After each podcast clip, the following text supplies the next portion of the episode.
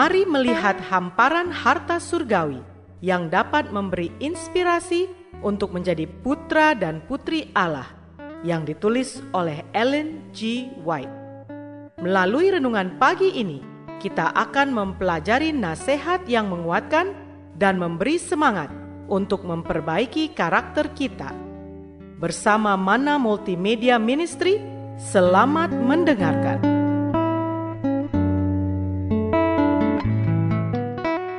Shalom, selamat pagi saudaraku.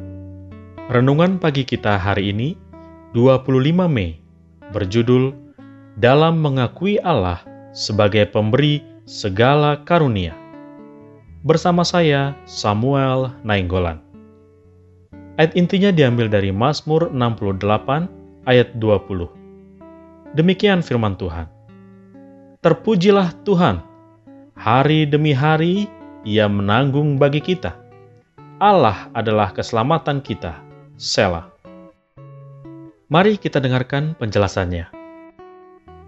Di bawah pengaturan bangsa Yahudi, pada kelahiran anak-anak, suatu persembahan diberikan kepada Allah menurut ketetapannya sendiri.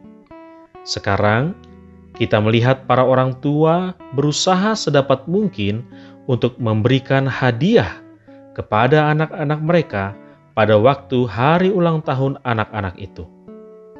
Mereka menjadikan ini suatu kesempatan untuk menghormati anak itu, seolah-olah kehormatan itu harus diberikan kepada manusia. Untuk kehidupan, kesehatan, makanan, dan pakaian tidak kurang dari pengharapan akan hidup yang kekal. Kita berutang kepada pemberi segala kemurahan maka wajiblah kita mengakui Allah karena segala karunia-Nya dan memberikan persembahan syukur kita kepada penolong kita yang terbesar itu. Persembahan hari ulang tahun ini diakui di dalam surga. Jika para orang tua Kristiani telah membiasakan anak-anak mereka untuk memberikan persembahan kepada Allah sebagai pengakuan akan hadiah besar keselamatan yang diberikannya kepada manusia, betapa akan berbeda tabiat anak yang masih muda itu. Pikiran mereka telah dijauhkan dari dirinya sendiri kepada Juru Selamat yang suci itu. Mereka telah diajar untuk merasakan bahwa Ia mengasihi mereka dan bahwa Ia adalah sumber segala berkat, bahwa Ia adalah pengharapan mereka akan kebahagiaan dan hidup yang kekal.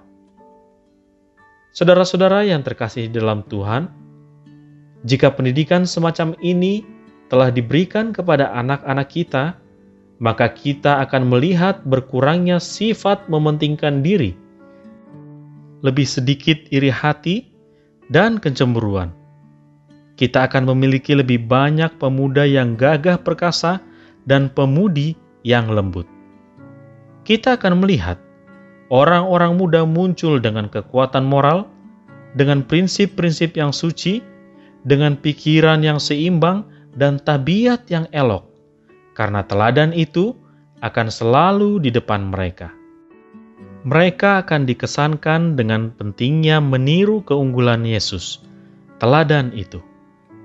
Allah mau supaya orang-orang muda dan orang-orang yang sudah dewasa memandang kepadanya, percaya pada Yesus Kristus yang telah diutusnya, dan mengizinkan dia tinggal di dalam hati. Kemudian, suatu hidup yang baru akan mempercepat semua kemampuan makhluk itu. Penghibur ilahi akan beserta dengan mereka untuk menguatkan mereka dalam kelemahannya dan menuntun mereka dalam kebingungannya akan dijelaskannya kepada mereka jalan kehidupan. Doa kita hari ini. Bapa, terima kasih melalui renungan pagi ini kami boleh belajar dari firman-Mu dalam mengakui Allah sebagai pemberi segala karunia. Terima kasih untuk menyadarkan kami bahwa Engkaulah sumber segala sesuatu dan mengajarkan kami untuk memberikan persembahan syukur atas setiap berkat yang kami terima, terutama di hari ulang tahun kami, sebagai bentuk pengakuan kami kepada Allah penolong kami yang sejati.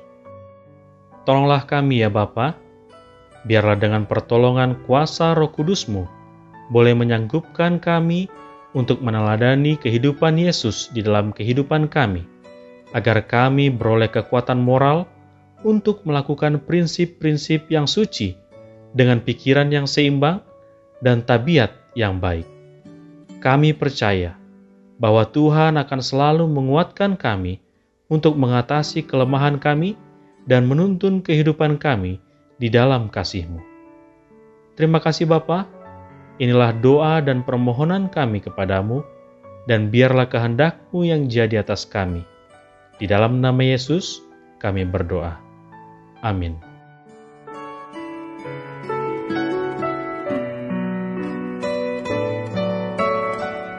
Demikianlah tadi pembahasan tentang menjadi putra dan putri Allah. Semoga firman Tuhan hari ini menjadi berkat bagi Anda. Sampai jumpa, Tuhan memberkati.